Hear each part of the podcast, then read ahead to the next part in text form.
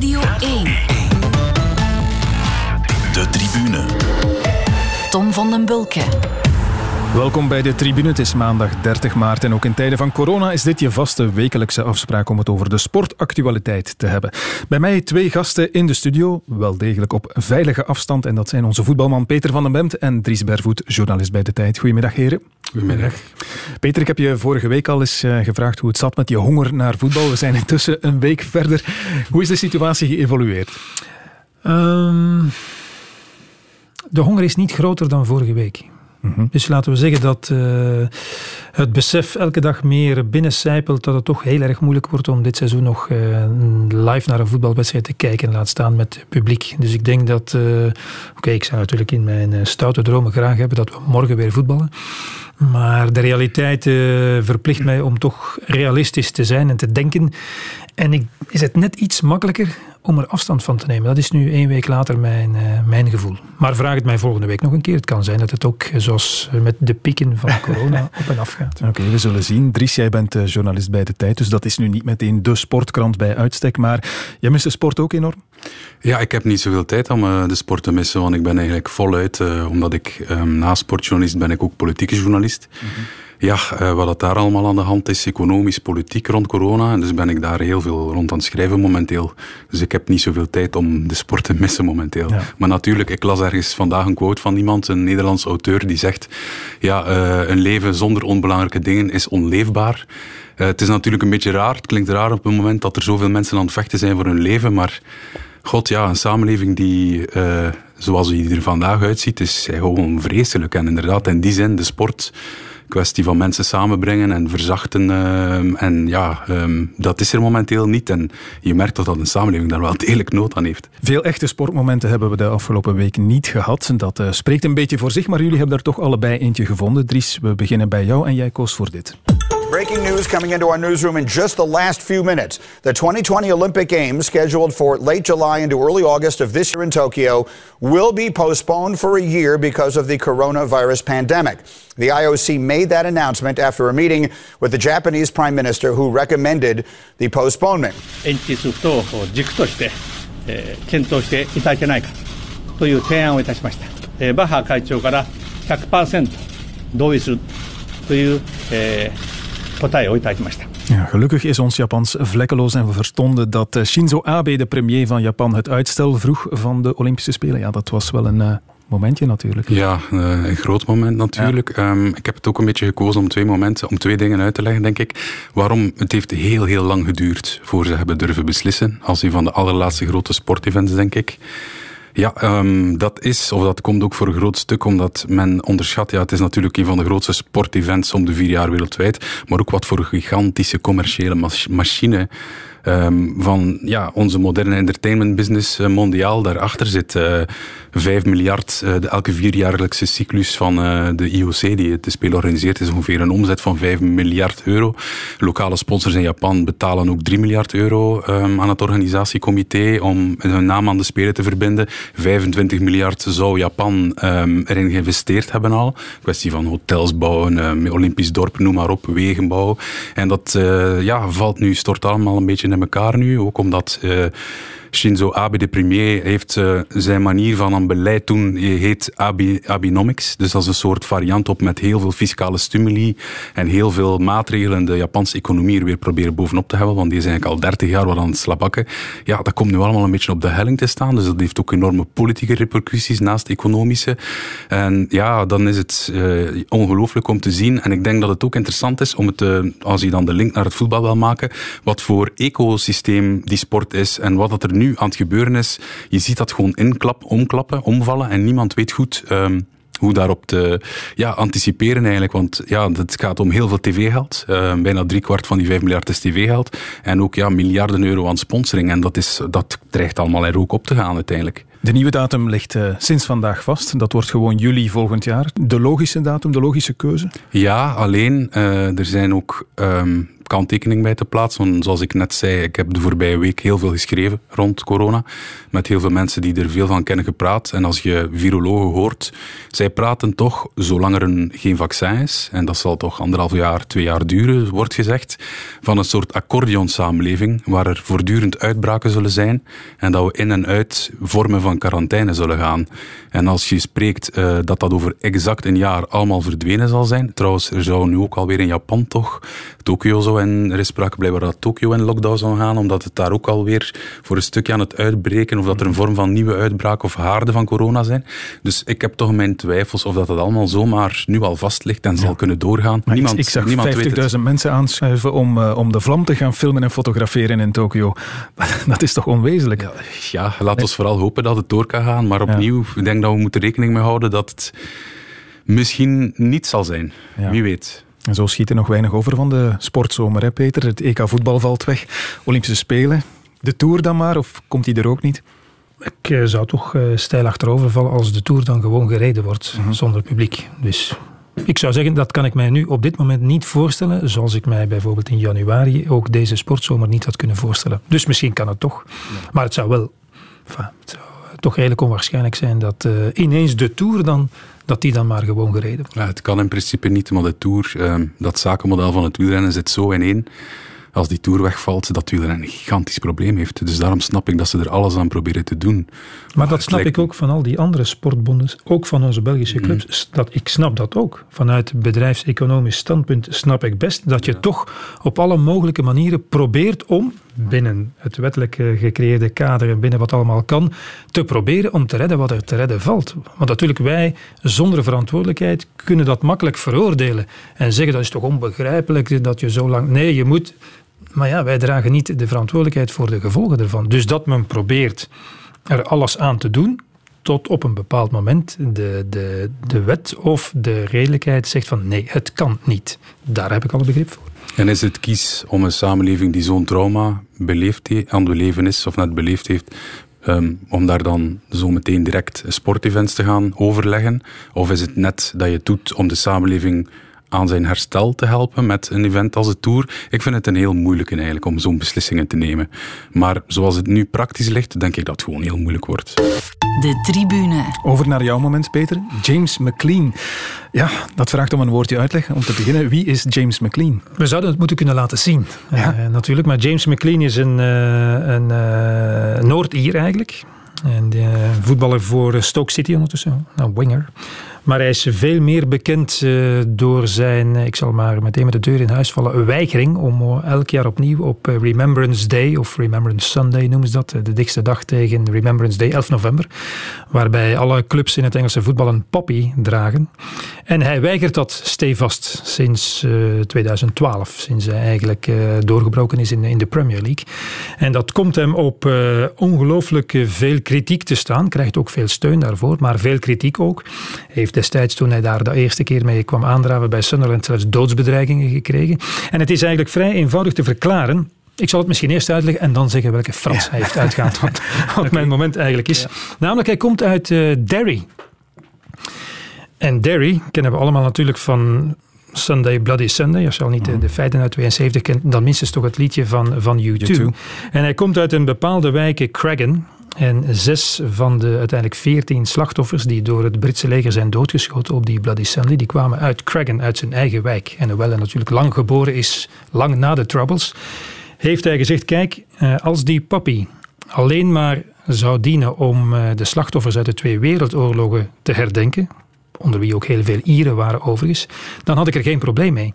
Maar ze dienen eigenlijk ook om de slachtoffers van allerlei andere onlusten, dus zogezegd ook de Britse soldaten die destijds in, uh, in Noord-Ierland zijn gesneuveld, te herdenken. En hij zei, dat kan ik niet maken. Mhm. Ik ben opgegroeid met uh, de Troubles. Dat maakt wezenlijk deel uit van mijn wezen, van de groep mensen waarin ik leef, van mijn familie. Dus dat kan ik niet over mijn hart krijgen. En ik moet zeggen, ik heb daar altijd zeer groot respect voor gehad. Want ik zeg het, hij kreeg er wel steun voor, maar werd uitgefloten door supporters van de tegenpartij, ook door zijn eigen supporters. Is daarom dat hij na een paar jaar ook bij Sunderland is vertrokken. Heeft geageerd tegen zijn eigen clubvoorzitter van, van eh, Stoke.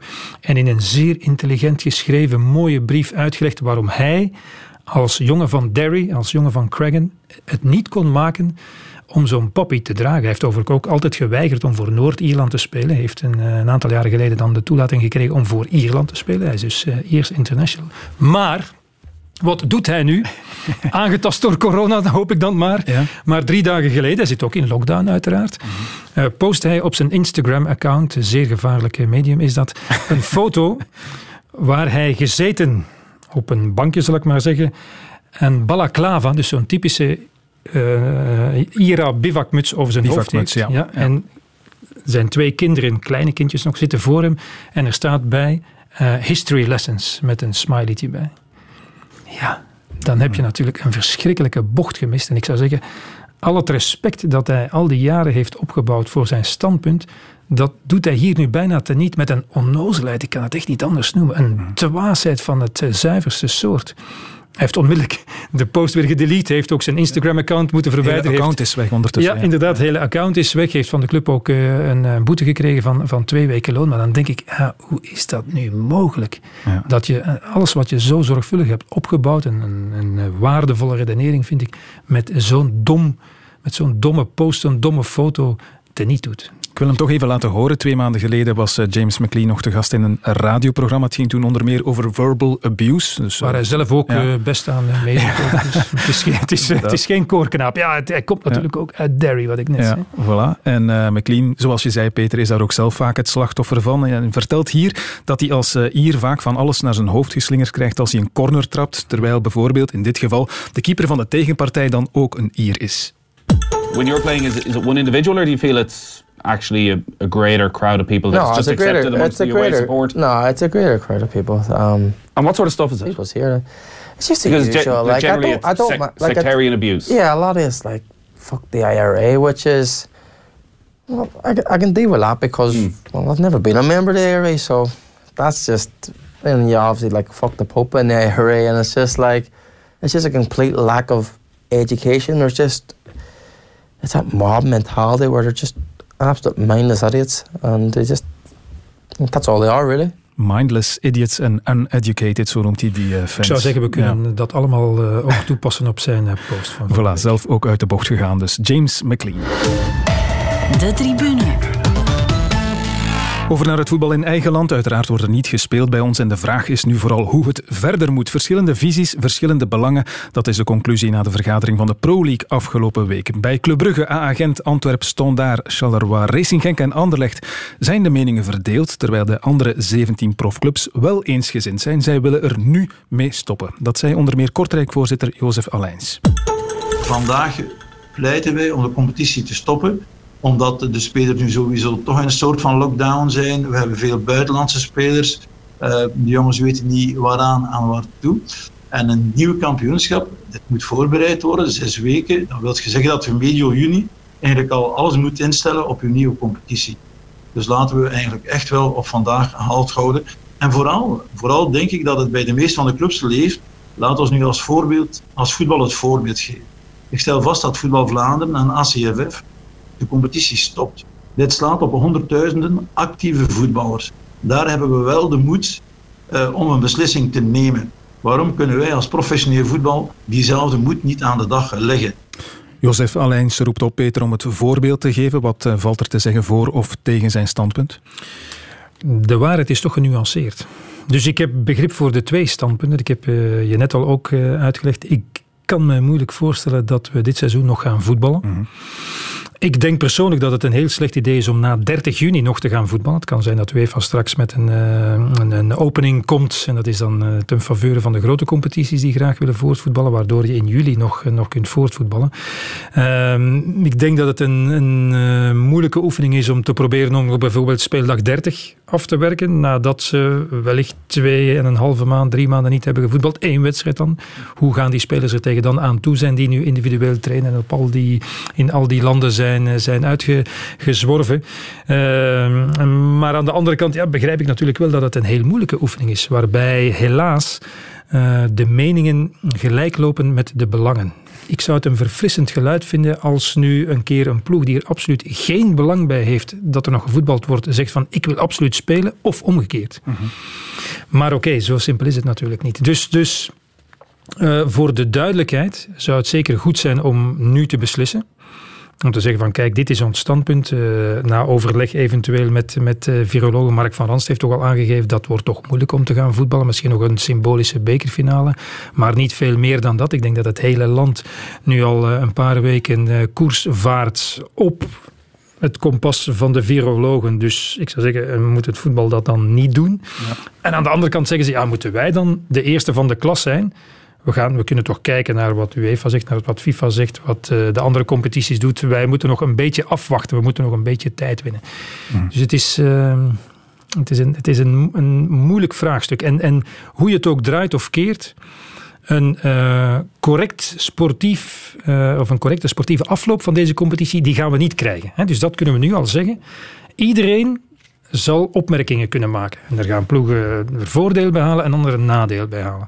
Maar ik zou zeggen, ook dat is dan maar een afspiegeling van wat alle andere mensen in de maatschappij, bedrijven ook zal overkomen. Namelijk dat zij nadeel ondervinden van deze uitzonderlijke toestand eh, waarin we ons nu eenmaal bevinden.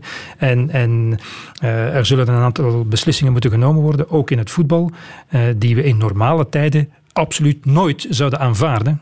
Maar nu misschien wel. Ja nu stoppen, dat, dat betekent dan dat we richting 18 clubs gaan volgend seizoen en, en in het vervolg daarvan naar een competitie met 20? Maar dat is weer wat anders. Ja. Dus ik denk inderdaad als je uh, op een bepaald moment beslist van uh, we voetballen niet meer, en ook daar kan je over discussiëren. Er zijn mensen die mij... Ik krijg dan veel mails. Ik heb niet veel tijd om ze te lezen. van mensen met interessante uh, meningen. Uh, die zeggen van... Ja, maar uh, Waasland-Bever die moeten er dan in blijven. Omdat ze de kans niet krijgen om op die laatste speeldag... Een klein kansje te grijpen om erin te blijven. Oud-Evelen, Leuven en Beerschot, die moeten omhoog.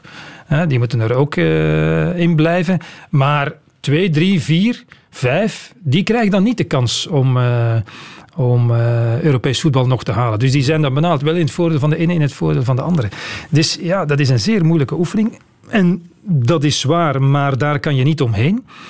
En ik denk dat, dat je, als je de competitie stopzet nu, denk ik dat het uh, ethisch moeilijk is om Waasland-Beveren te laten degraderen. Ik denk dat dat, denk dat, dat een negatieve straf is. Dat is, wat, want dat is mijn persoonlijke inschatting. Een, een soort semi-ethische inschatting die ik probeer te maken. En je uh, ontneemt ook uh, Oud-Evere Leuven en Beerschot de kans om te promoveren.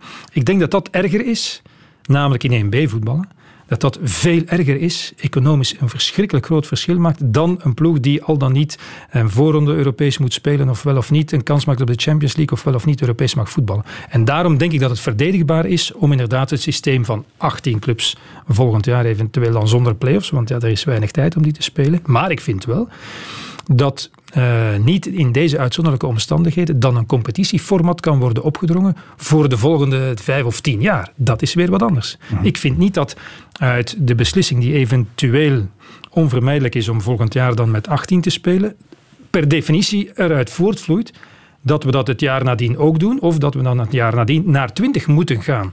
Ik vind niet dat dat een beslissing is die op dit moment kan genomen worden. Je moet nu, en dat is waarom ik ook zeg, na 30 juni voetballen is, is echt geen goed idee. Je moet nu vooral, denk ik, naar een oplossing gaan die ervoor zorgt dat je volgend seizoen, in de mate van het mogelijke, afhankelijk van zoals de toestand dan is geëvalueerd, een normale competitie kan spelen en op een redelijke moment kan beginnen. Ja, maar het zou wel kunnen, want het wordt toch al gezegd en geschreven ook, Dries, dat we dus door deze coronacrisis misschien wel uh, het systeem met play-offs gaan kwijtraken, dat het gaat verdwijnen.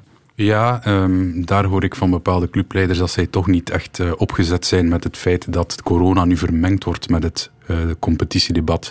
Dat ook al het formatdebat beter dat al uh, langer loopt. Um, dus ik vind dat wat Peter zegt daar wel gelijk in heeft, van, dat dat niet nu moet voor vijf jaar de competitie gaan vastleggen. Toevallig omdat men nu een aantal beslissingen moet gaan nemen um, door de onvoorziene omstandigheden die gebeurd zijn. daarnaast heb ik ook wel begrip van voor wat voor ontzettende moeilijke beslissingen dat er moeten genomen worden, omdat iedereen in onverkend terrein zit. Maar toch um, heb ik wel begrip voor het standpunt, want ook als je daar met advocaten en zo over belt. Um, ja, het hele voetbal is gebouwd op het uh, twee data, 1 juli tot 30 juni. Alles is daarop gebaseerd, contracten, huur, um, jaarrekeningen, noem maar op. Dus heel dat voetbal is daar eigenlijk op gebouwd. Dus als men daar dan moet gaan van afwijken, bijvoorbeeld Hakim Ziyech heeft al getekend voor Chelsea. Gaat mhm. hij dan op 30-6 weg? Want in principe moet hij op 1 juli beginnen bij Chelsea. Verlengt men het seizoen. Wat gebeurt er dan? Uh, gaat hij vertrekken? Kan, kan Ajax hem nog langer houden? Uh, hetzelfde met de speler. Stel je voor, hij, hij speelt een maand door. Zijn contract loopt af. Mhm. Hij speelt in juli. Hij blesseert zich. Zijn contract loopt af. Geen enkele club wil hem nog. Dus wat gaat die jongen dan doen? Dus dat soort discussies spelen mee. En er is ook een hele belangrijke politiek-juridische discussie, denk ik. Um, ik vind het interessant dat er um, bepaalde clubleiders zeggen van kijk, um, wij moeten beslissing niet nemen. De overheid moet er de stekker uh, voor ons uittrekken. Van jullie zullen niet kunnen voetballen, wij beslissen dat. Omdat er dan een juridische term aan zet komt en die heet overmacht. En dat men dan uh, niet meer kwetsbaar is voor juridische claims van sponsors mm -hmm. en uh, tv-rechtenbedrijven. Want het is wel zo dat de club zal hebben aangekondigd 20 miljoen tv-rechten, de laatste schijf is doorbetaald. Maar het zou mij niet verbazen als de clubs nu zouden zeggen van kijk, we stoppen ermee, dat Telenet en Proximus toch weer gaan aankloppen van jongens, een stukje geld terug. Dat is inderdaad een bezorgdheid die leeft bij een aantal clubs, eh, onder meer bij Antwerpen. Dit is eh, de secretaris-generaal Sven Jaak. Wij denken eigenlijk niet zozeer aan, aan onszelf of, uh, of wanneer we kunnen voetballen of uh, op welke manier dat, dat, zou zijn. We horen en zien alleen dat, uh, dat overheden, zowel nationaal als internationaal, druk aan het, aan het overleggen zijn over wat kan, wat niet kan. Daar ook een klein beetje lijn proberen in te krijgen in een communicatie. Niet alleen land per land. Um, dus ja, er zijn, er zijn een heel aantal vragen, waaronder de financiële impact van tv-rechten. Die moeten opgelost zijn om op een goede manier een juiste beslissing te nemen. Wat die beslissing dan ook is, Antwerp zal zich daarbij neerleggen of bij aansluiten, daar gaat het niet om. Dus het gaat hier niet over een Europees ticket of over een bekerfinale. Het gaat dan alleen om als Belgisch voetbal onze clubs op de juiste manier, op het juiste moment, de juiste beslissing te kunnen nemen. En niet voor onze beurt te spreken.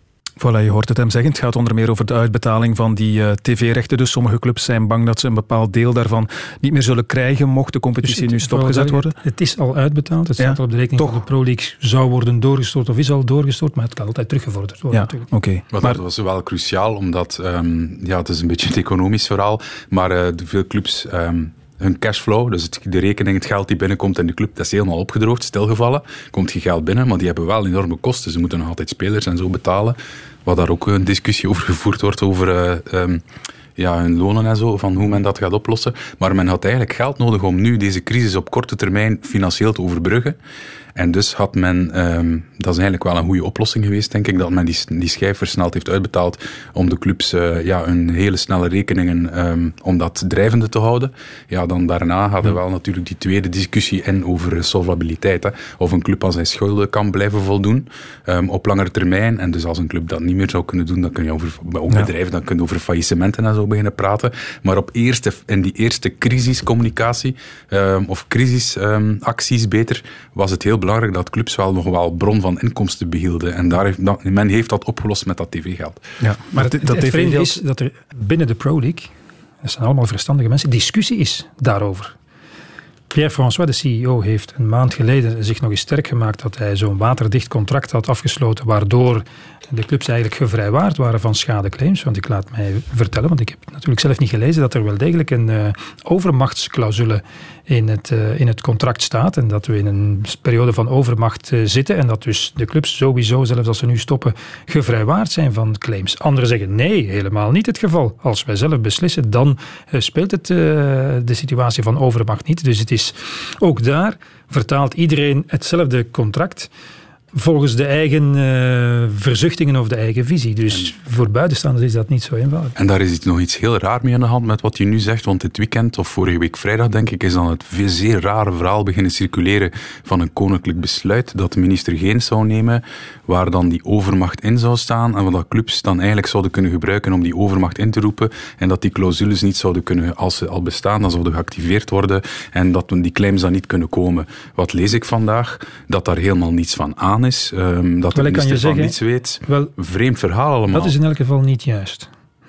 Ah, dus ik heb gepraat met iemand die de teksten die vrijdag eigenlijk goedgekeurd waren door alle politieke partijen, niet alleen heeft gelezen, maar er zelf aan meegewerkt. En dat was eigenlijk een akkoord en dat ging niet over het voetbal. Daarom verbaast het mij dat de woordvoerder vandaag in het nieuwsblad zegt er is helemaal geen KB over het, voetbal. Wordt, het wordt flagrant ontkend en ik heb de eh, woordvoerder gecontacteerd en ik heb geen antwoord gekregen. Er is inderdaad geen KB over het voetbal. Het ging namelijk over alle mogelijke miljoenen contracten in de maatschappij die liepen.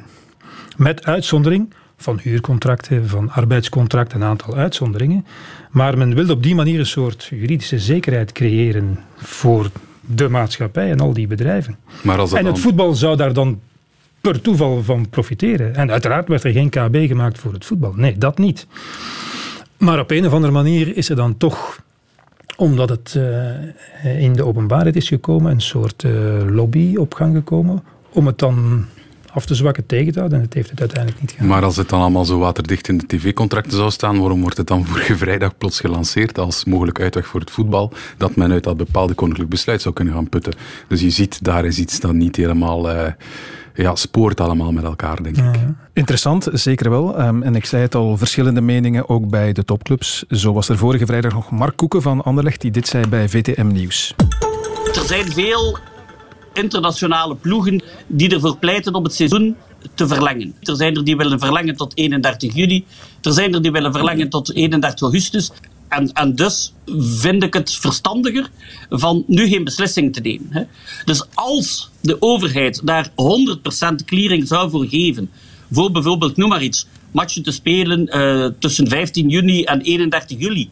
En internationaal wordt dat ook gezegd, want dat wordt de nieuwe kalender bijvoorbeeld tot 31 juli en dan de nieuwe competitie vanaf, uh, ik noem maar iets, uh, eh, 15 september of zo.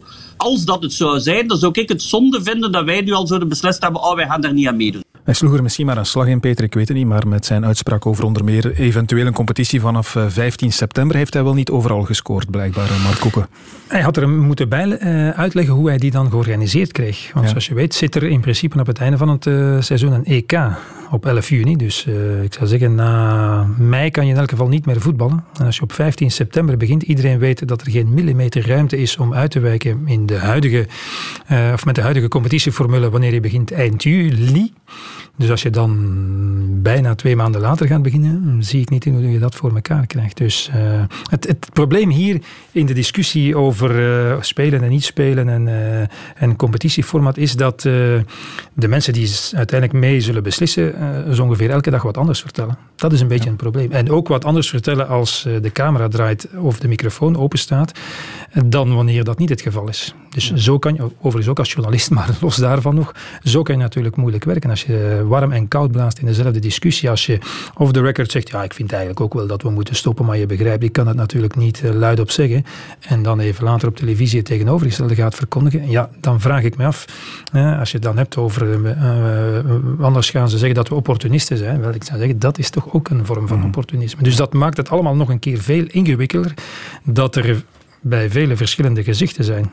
Agent, over opportunistisch gesproken, dat uh, is iets wat ze willen vermijden daar, maar ze schipperen nu een beetje tussen, tussen twee meningen, zou je kunnen zeggen. We gaan eens luisteren naar Ivan de Witte, ook bij VTM Nieuws.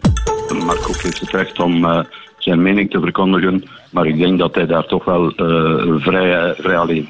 Onze voorkeur gaat uit om eventueel nog de laatste speeldag te spelen, de dertigste speeldag als dat mogelijk is qua gezondheidsmaatregelen. Moet eerlijk zeggen waar ik aan twijfel. Ja. Um, als het dat niet kan, ja, dan, dan maar liever een, een, een stopzetting en, en, en de clubs de ademruimte te geven om het volgende seizoen uh, voor te bereiden. Dus eerst was Ivan de Witte eigenlijk voorstander om de competitie te stoppen. Daarna is hij toch wel van idee veranderd. Uh, nee, Ik vermoed... hij, heeft iets anders gezegd volgens mij. Hij is nog altijd niet van idee veranderd, maar ja. zegt iets anders. Hij zegt iets anders. Dat is twee verschillende dingen inderdaad. Maar het is vooral om niet weggezet te worden als, als opportunist. Weggezet worden als opportunist? Nee, want het lijkt mij een, een valabel stand Mhm. En oké, okay, agent zal daar dan van profiteren, want zij staan op dit moment op de tweede plaats. En de kans bestaat toch op bezoek bij Waasland-Bever dat ze daar na een eventuele dertigste speeldag nog altijd zullen staan.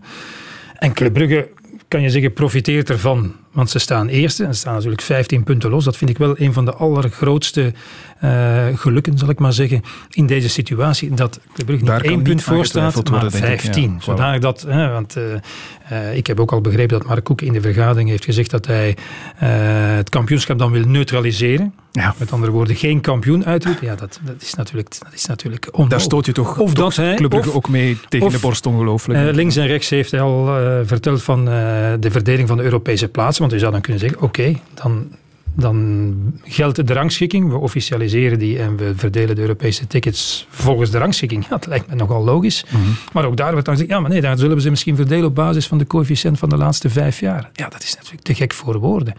Wat wel is, ik vind wel dat uh, de clubs die, die ervan profiteren, en daar kan dan Ivan de Witte aantonen dat hij helemaal geen opportunist is, dat die op een of andere manier financieel zouden kunnen compenseren voor degene die door het stopzetten van de competitie dan toch nadeel hebben ondervonden of niet meer de kans hebben gekregen om hun, om hun positie, met andere woorden hun Europees ticket, uh, te verbeteren. Want daar gaat het in C uiteindelijk wel altijd over, in de fond. Niet kunnen we nog Europees spelen, maar kunnen we nog het geld van Europees voetbal uh, claimen. En daar zou je kunnen op een of andere manier uh, het mechanisme van de solidariteit in leven roepen en ervoor te zorgen dat, dat clubs die lager nu ingeschaald worden, KV Mechelen, Racing Genk, Anderlecht, ik zeg maar wat, die uit de boot vallen van Europees voetbal, terwijl ze dat realistisch misschien nog wel hadden kunnen afdwingen, dat die op een of andere manier gecompenseerd worden door de clubs die nu dan, tussen aanhalingstekens, wel bevoordeeld zijn door het eventueel stopzetten van de competitie. Dat vind ik wel een, uh, een waardevolle discussie die moet gevoerd worden binnen de schoot van de Pro League. Geen gemakkelijke, denk ik. Een beetje solidariteit, eh, Dries, zoals je in de Bundesliga ook ziet, hè, waar de vier clubs die Champions League gespeeld hebben dit seizoen, de anderen dit seizoen, hè, Tom? Dit seizoen. Niet, niet degene, wel, maar dat wil ik zeggen. Ja. Dit zijn dus niet degenen die volgend seizoen eventueel profiteren van. Nee, dit zijn die die nu geld verdienen op basis van een correct afgehandelde competitie vorig jaar, die besloten hebben: 20 miljoen schuiven wij door naar de anderen. Ja, de vraag is stilaan. Uh, als dit nog even doorgaat, die vijf, zes topclubs in België zullen het wel um, overleven. Maar tegen wie gaan ze nog voetballen? Van al die kleintjes. Ik wil het nog zien hoor, al eens deze storm voorbij is. Als je in die rekeningen gaat kijken bij die kleinere, het is de K11, de, ja, 1B vergeet dat helemaal. Um, maar die kleinere clubs, uh, ja, van Kortrijk over KV Mechelen, uh, noem maar op. Um, er gaan drama's gebeuren. Hè. Oké, okay, daar gaan we straks zeker nog op door. Een andere vraag eerst is, wat vinden de voetballers er zelf van? Dat is voor nu. De tribune. Aan de lijn Davy de Vouw van Zulte Waregem. Dag Davy. Goedemiddag Tom. Ja, laat ik maar met de deur in huis vallen. Als jij mocht kiezen, wat gebeurt er dan met het voetbalseizoen? Uh, nou ja, ik denk op dit moment, na de huidige situatie, dat alles een beetje verloopt uh, van het virus, zou ik uh, ja, mijn advies gewoon zeggen om het voetbalseizoen toch te stoppen. dat is mijn gevoel. als het kan, als het effectief nog kan, misschien die aller, allerlaatste wedstrijd in voetbal van de competitie om alles mooi af te sluiten, dat alles wel rechtgeldig is. Uh, maar ik denk, uh, hoe alles nu verloopt, dat dat zelfs heel moeilijk zal worden. Dus dat denk ik het beste is dat gewoon uh, het voetbal voor dit seizoen stopt. Dus dat wil ook zeggen de play-offs, alles gewoon klaar is. en dat we ons eigenlijk gewoon gaan voorbereiden eigenlijk, naar het volgende seizoen toe. Ja, vanuit welke motivatie zeg je dat dan? Is dat vooral omdat je nu moet voortdoen zonder concreet doel in het vooruitzicht? Of, of, oh, ja. Goh, nee, ik heb niet zo met dat doel allemaal. Ik heb meer gewoon op dit moment hoe de wereld is op dit moment. Ik denk mhm. dat de mensen, ik hoop dat ze allemaal beseffen ondertussen, maar ik denk dat we gewoon in een ernstige situatie zitten en dat we moeten beseffen dat het voetbal ergens niet op plaats 1 komt, maar op plaats 2, 3, 4 zal ik maar zeggen. En uh, dat we ons daar gewoon nu moeten bij neerleggen dat iedereen eerst en vooral weer gezond moet worden, dat de maatschappij weer wat normaal moet worden, maar dat zal ook nog heel veel tijd nodig hebben. En uh, oké, voetbal is nu even een bijzaak en daarom uh, ik zeg, moet daar niet te veel over pieken en doen. Gewoon afsluiten en alles mooi voorbereiden voor het nieuwe seizoen. En hopelijk kunnen we dan in, in juli starten met een normale competitie. Eh, ik denk dat dat het doel moet zijn van, van iedereen. En uh, wat er voor allemaal gebeurt, uh, dat zal meer naar de gezondheid toe gaan. Ja, dus eigenlijk vertolk je daarbij ook een beetje het, het standpunt van bijvoorbeeld Jozef Alijns van KV Kortrijk, die zei van kijk, we moeten nu de moed hebben bij de profclubs om te doen wat ze ook op amateurniveau al gedaan hebben. Dat is er nu gewoon mee stoppen. Ja. ja, ik zei dat is volledig, dus ik volg daar niet, maar dat is gewoon mijn mening. Maar ik denk dat inderdaad dat het op dit moment het beste is. En mogen wij dat of kunnen dat wel weer gaan uitstellen. Maar ik denk dat duidelijk is dat we deze maand sowieso ook niet meer aan, aan, aan voetbal of trainen zullen toekomen. Dus ik denk dat het beste is dat we gewoon uh, dan ophouden eigenlijk met alles en ons kunnen concentreren op, uh, op het nieuwe seizoen, zou ik maar zeggen. Ja, en play-off 2, Davy, normaal gezien staan, staan voetballers daar niet voor te springen. Maar nu, als je zo lang al niet hebt kunnen voetballen, ja, mocht het nu kunnen, zou je er toch nog zin in hebben? Nee, maar voetbal natuurlijk. Ik wil altijd voetballen. Ik ben hier ook iedere dag bezig met lopen en mijn tuin te voetballen. Dus dat, dat, zit in jou. Hè. Maar ik denk dat het op dit moment even niet aan de orde is. Uh, die play-off 1 mm. of play-off 2. Ik denk dat het niet belangrijk is. Uh, wat ik ook al gezegd heb, play-off 2 is sowieso al niet heel aantrekkelijk of winstgevend voor clubs. Want daar moeten we ook allemaal naar kijken. Dat is meer verlies laten. Uh, en ik begrijp wel het verhaal van play-off 1 dat daar misschien sommige mensen nog willen willen doorgaan. Maar ik denk dat het gewoon niet realistisch niet meer zal zijn uh, om te voetballen. En uh, voor een leefstadium, uh, dat, dat, zie ik zelf ook niet zitten. Ik vind dat ook niet helemaal kunnen. Want daarnaast moeten toch weer stewards en allemaal dergelijke gaan lopen. En ook alles geregeld worden. Dus komen mensen toch ook weer in contact met elkaar. Dus eigenlijk blijft het zomaar doorgaan. Dus ik denk dat het heel veel werk zal zijn om er misschien dat te kunnen afsluiten. Maar dat beter is dan gewoon ophoudt met alles. Ja, Welk statuut heb jij nu op dit moment als speler? Ben je nu al uh, officieel technisch werkloos? Want dat had de club uh, Zoutwaargem wel aangevraagd, dacht ik. Hè? Uh, nou ja, ze hebben het nog niet aangevraagd volgens mij. Ze waren wel aan het informeren bij andere clubs wat zij gingen doen.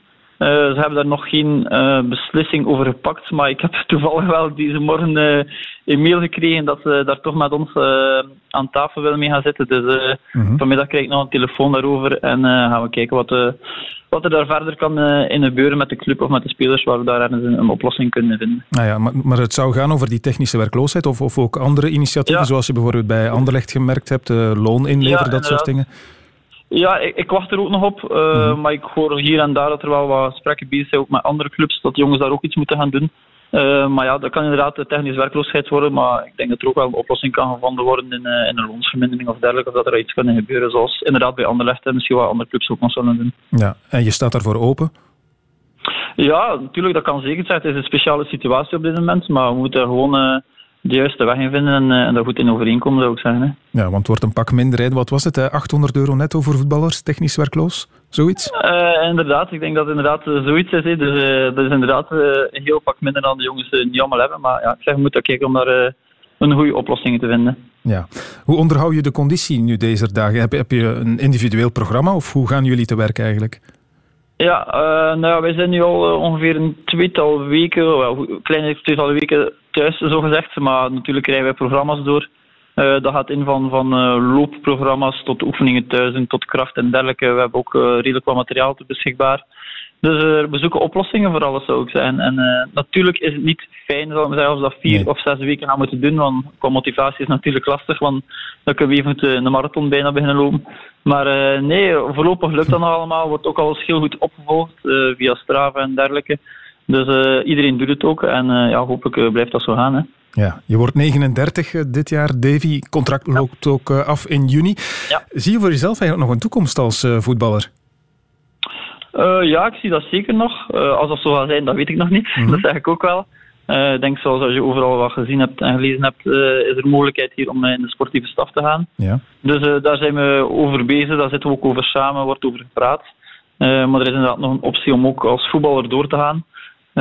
Dat kan zelfs niet bij Zulte Waarham zijn, dat zeg ik ook wel. Dat kan ook mhm. bij een andere club zijn. Uh, ook omdat ik dit seizoen nog alles gespeeld heb en het best allemaal goed ging. Dus daar ben ik wel aan het overwegen. En ja, we zien wel wat de toekomst daar of de komende weken zal in verder brengen. Ja, maar bijvoorbeeld dus inderdaad assistent-coach bij Zulte Waregem, dat, dat zou je wel zien zitten? ja, dat kan. Hè. Natuurlijk, het is, het is een, een, mooie uitdaging en het is ook een, een mooie kans die, die je kan krijgen daar. Maar ja, ik, zei het, ik voel me ook nog goed en nog heel fit. Mhm. Dus uh, het is een beetje afwegen op elkaar. Stoppen als voetbal is echt stoppen. Dus uh, dan moet je ook wel bij stilstaan. Dus. Ja, absoluut. Nu, stel je kiest voor dat uh, assistentcoach zijn, Davy. Het zou dan kunnen dat je zonder het te weten je laatste match al gespeeld hebt. weet, je, weet je nog welke match dat was in er eigenlijk? het was wel een memorabele. Ja, dat moet ik niet uitleggen. Hè.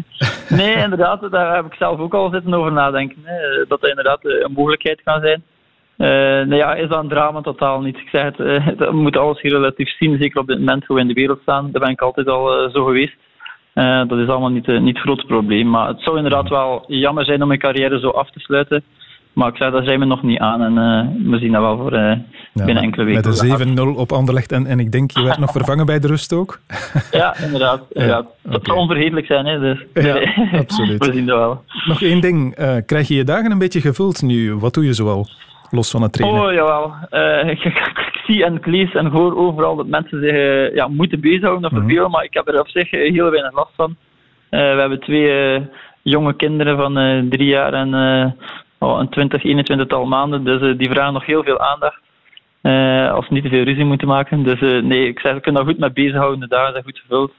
En uh, wij zijn af en toe blij dat we s'avonds even uh, rust hebben dan de kinderen in bed zitten. Ja. Dus uh, voor de rest ja, ben ik ook bezig met, met de loopprogramma's en met de club en dergelijke. Dus genoeg zaken te doen hier. Dus. De kindjes kunnen er maar wel bij varen. Hou je goed, Davy de Vouw, en bedankt om aan de lijn te komen. Heel graag gedaan. Beste, hou je goed. De tribune. We praten verder met Peter van den Bemt en Dries Bervoet, want uh, we hebben het er al even over gehad. Een belangrijk aspect natuurlijk van voetbal in coronatijden is uh, uiteraard de financiële kant van de hele zaak. Sporteconoom Trudo de Jonge en met hem vele anderen natuurlijk maakt zich zorgen. De ticketing aan zich is ongeveer een, eh, een 20% van de totale inkomsten.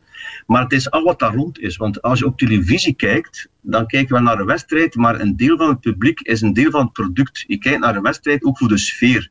En dat is al eh, duidelijk geweest bij de Champions League-wedstrijden in het League Stadium. Na een half uur ga je weg. Dat is niet mooi om te zien. Dus, maar ticketing aan zich, oké, maar het gaat er ook over. De sponsors weten dat daar mensen zitten. De sponsors weten ook dat er daar een sfeer is. Er wordt daar iets gedronken, er wordt daar iets gegeten, er wordt merchandising gekocht en dat valt allemaal weg. En dat is eigenlijk het waterval-effect die je gaat krijgen op termijn.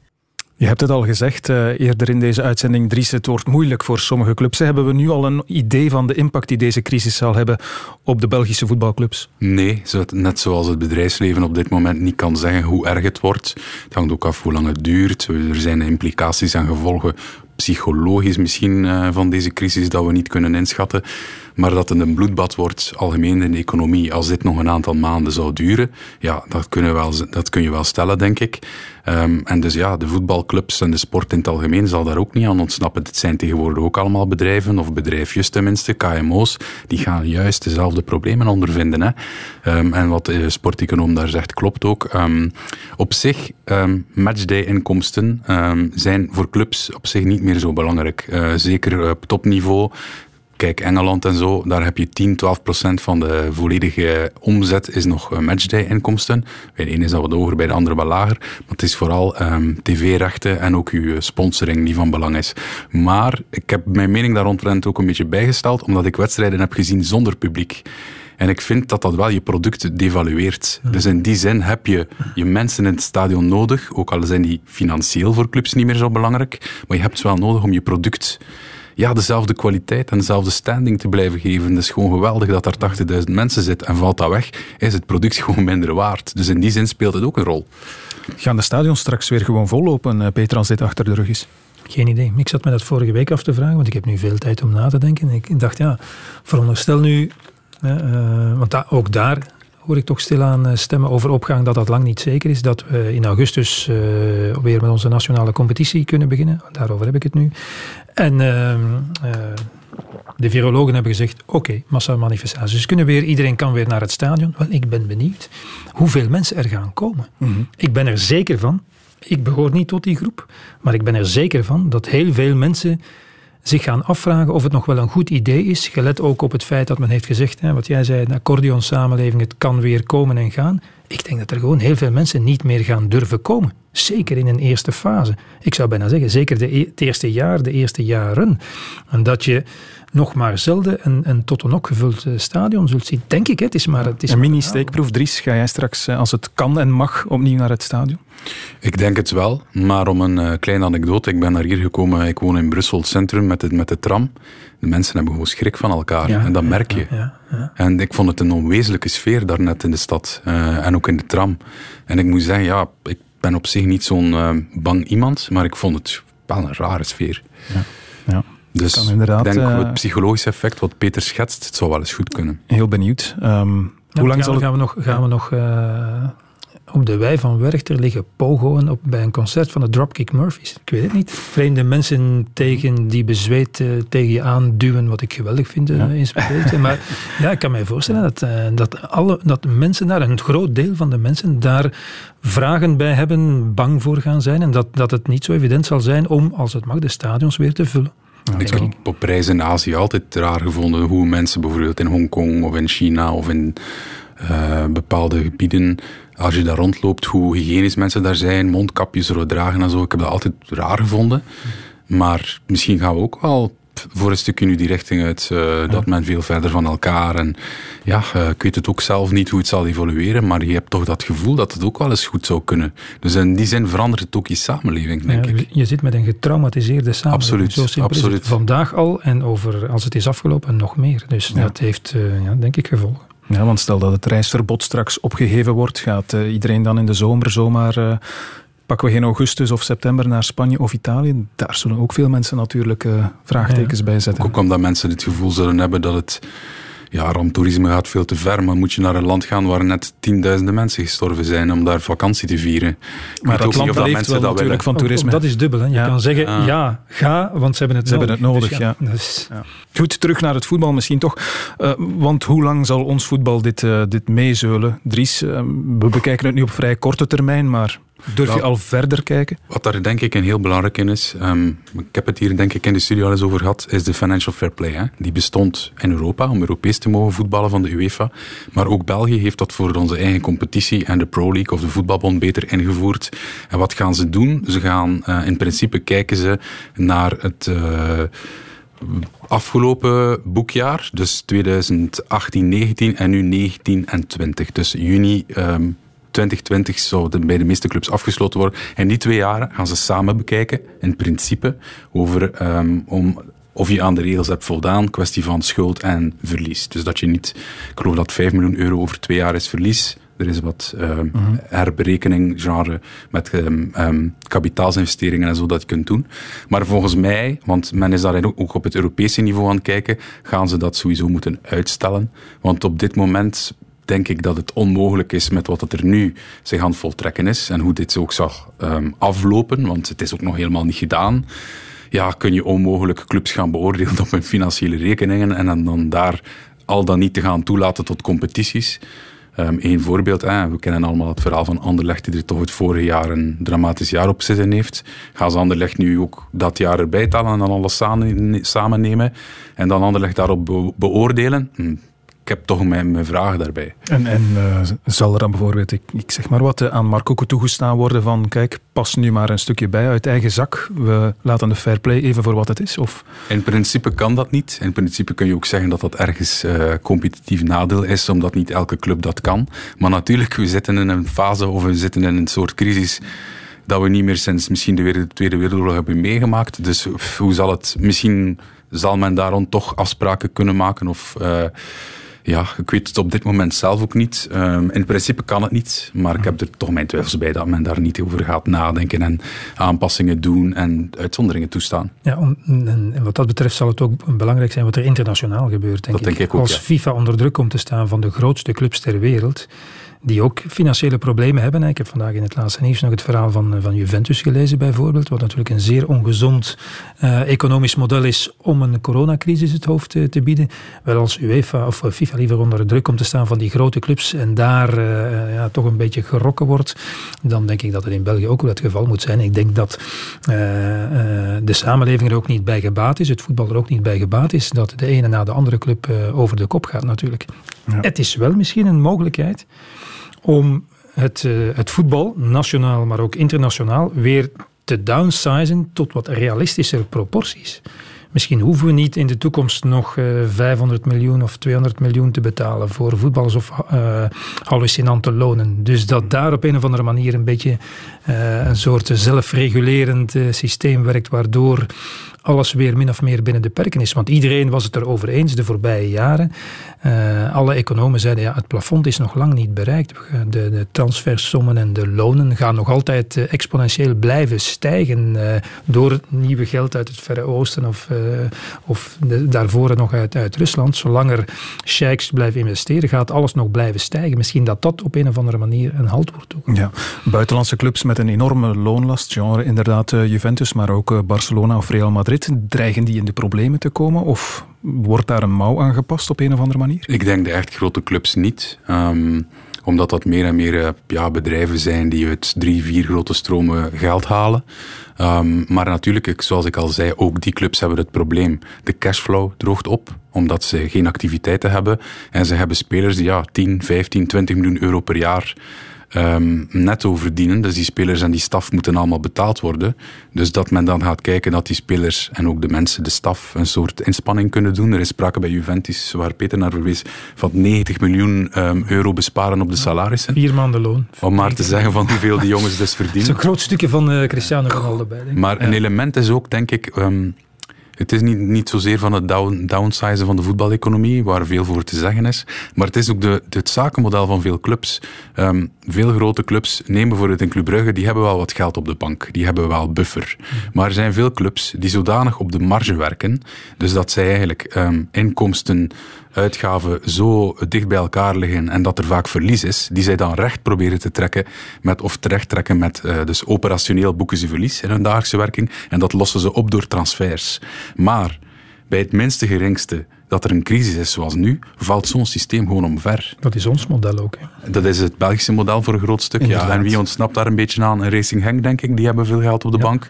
Club Brugge ontsnapt daar een beetje aan. Omdat ze heel veel goede transfers hebben gedaan. Uiteraard. Dus inderdaad uiteraard. is dat ook de basis geweest. Ja, bij, bij maar ze, daardoor hebben ze wat buffer kunnen opbouwen, gelukkig. En ik denk, ja, de Real Madrid en de Barcelona's, dat zijn andere bedragen, dat zijn andere modellen. Die halen wereldwijd geld op, waar je ook wel wat voor te kunt zeggen dat uh, nu de men toch heel veel clubs dachten van het, de, de, het rijker wordende Azië, dat men daar nog heel pak extra inkomsten zou kunnen gaan halen. Dat men toch moet nadenken dat misschien, zoals de wereld er vandaag aan toe is, dat die grote extra inkomsten of marge die men nog ziet, Um, omdat de fans nu eenmaal de komende jaren misschien wat minder centjes te besteden zullen hebben, dat dat toch ook wel allemaal wat verandert. Dus dat ook het voetbal daar kind van de samenleving is. Ja. Je raakte het al even aan, uh, dat transfermodel dat uh, in voegen is bij, bij toch veel van onze clubs ook. Uh, spelersmakelaar Stijn Francis heeft daar ook iets over gezegd deze week. Ik voel wel een enorme nervositeit. Ja, de clubs met financiële problemen die worden alleen maar erger, dus die gaan sowieso al nu meer, meer in paniek zijn. Uh, die betalen een, deel van het salaris niet meer. Kan je dan ook dezelfde transfersom vragen? Uh, wat ik ook merk natuurlijk, nu is het moment dat de buitenlandse clubs normaal naar België kwamen om naar play-off 1 te komen kijken, om daar te gaan vaststellen van kijk, kan die speler tonen in een zwaardere competitie, want play-off 1 is echt een topcompetitie, kan die het daar ook tonen wat we eigenlijk al een seizoen van hem zien? Ja, nu kunnen ze dat niet bevestigd zien worden, gaan ze dan ook dezelfde prijzen op tafel leggen. Uh, dus ik, ik denk eerlijk gezegd dat het wat naar beneden zal gaan. Het is geen goed nieuws voor België als je dit hoort. Wellicht niet, maar ja, het is toch ook in het buitenland geen goed nieuws. Eh, de economie ligt overal omver, dus um, ja, Zullen het is zoals ik wel zei. aankopen misschien ook dan? Misschien wel. Um, maar ja, het is een beetje... Het probleem is gewoon dat um, veel buitenlandse clubs toch wat rijker zijn. In die zin, Belgische clubs, ik bedoel de K11 bijvoorbeeld, daar heb je clubs bij die hebben budgetten of omzetten van 3, 4, 5 miljoen euro maximum. Um, die hebben nauwelijks marge. Um, dus die moeten al een beetje op de kleintjes letten. Met wat nu gebeurt, maar heb ik toch serieus mijn bedenkingen of die 24 profclubs, hoeveel er daarvan gaan overblijven op termijn, zonder um, dat er hulp komt vanuit kanalen die niet uit een commerciële werking Z komt. Zijn er clubs waar je concreet voor vreest? Goh, nee, dat is moeilijk te zeggen. Ja. Maar, um, want ja, ik, ken, ik kan vandaag niet in de rekening... Oostende natuurlijk, lo Lokeren, die, die... De facto zijn die... Zijn, de, de, facto zijn die twee clubs momenteel failliet. Of balanceren Lommel, op de rand van failliet. uh, dus, Oostende Lokeren is de overname met, wat is de Chinese investeerder, die is niet gekomen. Uh, Oostende, ja, daar is nog een hele discussie bezig, want er zijn twee potentiële overnemers blijkbaar nog altijd, uit Amerikaanse en Chinees-Amerikaanse hoek. Uh, maar gebeurt dat niet, dan heeft Oostende ook een waanzinnig groot probleem. En ja, ik uh, kan mij voorstellen, de clubs, als je 1B was zonder corona, een financieel kerkhof. Um, dus wat wordt het met corona? Ik vrees ervoor. Ja. Ik kom nog even terug, uh, Peter, op wat je zei over het uh, voetbal dat misschien weer tot zijn normale normen kan komen, of, of een beetje toch in die richting kan gaan. Uh, er was vandaag nog een bericht over een researchbureau dat berekend heeft dat de transferwaarde van zijn spelers in de vijf grootste competities met bijna 30% zal zakken. Ik vraag me alleen nog af, spelers zoals een, een Neymar, een Messi, gaan die wel nog altijd 200 miljoen euro en zoveel kosten? Of worden dat straks ook relatieve koopjes? Uh, het zou kunnen dat de exceptioneel goede spelers dat die hun waarde min of meer behouden. Maar het, uh, het gevolg van de explosie van de transfermarkt was eigenlijk niet, of het probleem daarvan was niet Neymar. Mm-hmm. Neymar, uitzonderlijke speler, Messi, Ronaldo, uitzonderlijke spelers. Maar het was vooral de over, felle overwaardering voor redelijk gewone, goede voetballers. Ja. Ik kan zeggen, een centrale verdediger die je normaal voor 20 miljoen euro kan kopen, die kost er nu 70 om Maguire nu als extreem voorbeeld te nemen. Dat was een hallucinant transferbedrag voor een goede, degelijke, ja, ja het is een Engels international, niet overdrijven, ja. goede, degelijke centrale verdediger. Ik denk dat de correctie veel eerder daar te vinden zal zijn dan bij de absolute top. Vergeet ook niet dat de absolute topclubs, dat zijn ehm, mediabedrijven vooral. Liverpool, uh, laatste jaarrekening, eh, ze hebben ongeveer 600 miljoen omzet. 300 miljoen daarvan komt uit tv-geld. Dus in die context moet je clubs ook, of ploegen uh, ook, zo, ook zo zien. Het zijn entertainmentbedrijven. Um, en die gaan klappen krijgen, zoals ook Disney, denk ik. Um, want ja, heel die entertainmentsector ligt stil momenteel. Ja. Dus hoe um, een economie kan zich altijd heel snel herstellen. Daar moet je ook rekening mee houden. Maar uh, het zal vooral ook een kwestie zijn van wat gebeurt er met uh, die mensen die die economie maken. Hè? De mensen thuis, Hoe hebben, hoeveel hebben zij te spenderen? Kunnen zij truitjes kopen van clubs? Kunnen zij tv-abonnementen kopen? Um, ja, dat, dat is een beetje de grote vraag. En het is koffiedik kijken. Je kunt daar op dit moment gewoon niets over zeggen. Van de top gaan we nog eens een hele rist verdiepingen zakken tot aan het amateurvoetbal. In dat verband was er eh, vorig weekend nog de voorzitter van City Pirates Antwerpen, Michel Pradolini, en die zei dit. Welke club weet nu wat ze volgend jaar gaan krijgen van inkomsten, van sponsoring, van partners, uh, van tickets, van liedgelden? Hoe kan je dan verder bouwen? Dat is toch gewoon waanzin. Dat is ook onverantwoord. En dat weegt wel heel zwaar door, ja. Misschien moeten we ook maar eens een keer uh, eens goed gaan nadenken hoe, hoe amateurvoetbal moet werken. Hè. Het woord amateur ja, ik zie niet waarom we amateurs geld moeten betalen. Ik denk dat dat naar eerste ploeg het ook wel heel belangrijk is. Misschien moeten we ons allemaal eens gaan bezien. Een oproep tot bezinning, Peter. Um, moet het amateurvoetbal straks anders? Maar ik zou zeggen, ja, het had al anders gemoeten. Ik vind het grappig dat we dat altijd amateurvoetbal noemen. En uh, iedereen die in provinciaal een beetje heeft gevoetbald tot 30 jaar terug en vandaag de dag, die weet hoe het er in het amateurvoetbal aan toe gaat. Absoluut. Daar worden aan, aan uh, goede spitse bedragen uitgekeerd die wij misschien uh, in ons normale loon niet, niet verdienen. Dus het zou best wel eens kunnen, en zou dat dan een slechte zaak zijn, dat het amateurvoetbal, dat amateurploegen, hè, zoals, zoals collega Tom Boudewil zei, dat die misschien terugplooien op zichzelf. En dat ze weer gaan voetballen met jongens uit de buurt. In plaats van de spits van 20 of 25 kilometer verder voor een zware vergoeding. Misschien wel uh, niet officieel naar, naar de club te lokken. Dus wat dat betreft zeggen ze, ah, die amateurclubs gaan kapot gaan. Alleen als ze hetzelfde financiële model willen hanteren natuurlijk. Want zeker daar heb, je, heb je het probleem dat die vaak toch afhankelijk zijn van ja, lokale sponsoring, zal ik dat dan maar noemen. En dat zijn misschien kleine zelfstandigen of KMO'tjes uit de buurt die zwaar te lijden hebben gehad als ze niet over de kop zijn gegaan door de crisis. Ja. Een bloedbad Dreigen we dat te krijgen, Dries, in de lagere reeks ook? Ja, maar ik vind het wel een beetje pijnlijk om die discussie van... Want City Pirates is natuurlijk een mooi initiatief, maar de man heeft natuurlijk overschot van gelijk. Dat nu de noodkreet van het uh, amateurvoetbal, want wij kregen op de redactie deze week ook nog, um, of gisteren denk ik, een e-mail binnen van de uh, of een oproep van de voorzitter van FC Latem om over de, over de ja, het crisis in het amateurvoetbal. En voor corona waren er heel veel verhalen uh, over faillissementen en mhm. clubs die op omvallen stonden.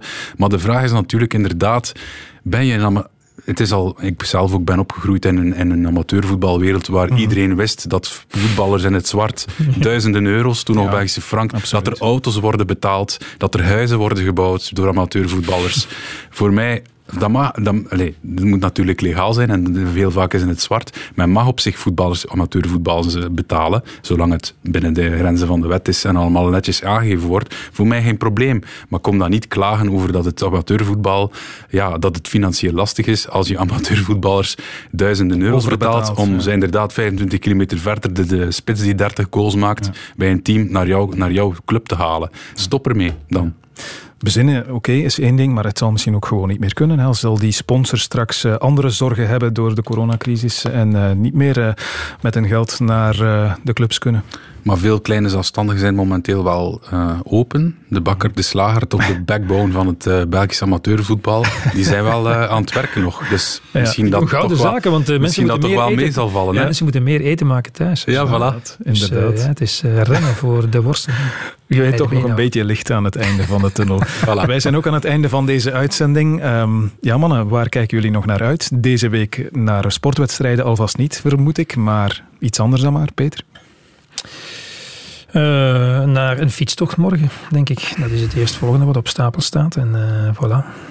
En rij je in Lussen rond je huis, uh, Peter? Rij je in Lussen rond je huis? Nee, hoeft niet, hè? Hoeft niet. Nee, ah, nee hoeft niet. Ja, het is mij niet helemaal duidelijk wat nu wel en niet mag. Nee, nee, nee. Dus ik, heb, uh, dus, uh, ik vaar blind op Van Ranst en die zei, okay. de afstand die je fietst maakt helemaal niets uit. En dan heb ik onmiddellijk mijn televisietoestel uitgezet voor een eventuele toevoeging, om die dan niet. Dus, en ik fiets gedisciplineerd, alleen of met twee. Oké, prima. Dus voilà. Dries? Ik kijk elke dag, zoals elke morgen om 11 uur, naar de curve van Cienzano, waarvan ik voor uh, deze crisis het bestaan niet eens wist.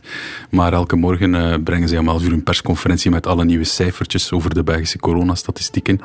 En het enige wat je daar, daar wil zien, is dat die cijfers zakken. Um, dus daar kijk, kijk, ik wel elke dag naar, uh, een beetje naar uit. Eén, professioneel, maar twee, ook hopelijk dat het snel zakt, dat we allemaal terug een beetje normaal kunnen leven en werken. Ik heb ook nog een goede tip om ja? s morgens welgezind op te staan. Op Instagram heeft Wim Opbroek, ja. de welbekende acteur ja. Duizendpoot, post elke ochtend vanuit zijn kot, zoals hij dat noemt, een liedje. Fenomenaal elke keer. Dus ik zou zeggen, om op een goede manier, en als je een beetje neerslachtig bent opgestaan, om snel het goede humeur te pakken te krijgen, drie minuten Wim Oproek, morgens op Instagram. Een absolute aanrader. Ik volgde hem nog niet, maar ik ga er een verandering in brengen. Ik ook. Gouden tip, dankjewel daarvoor. Peter van den Bemt, dankjewel ook Dries Bervoet om hier eh, in onze studio te zijn voor deze aflevering van de Tribune. Volgende week zijn we er nieuw, ook dan weer op podcast. Tot dan.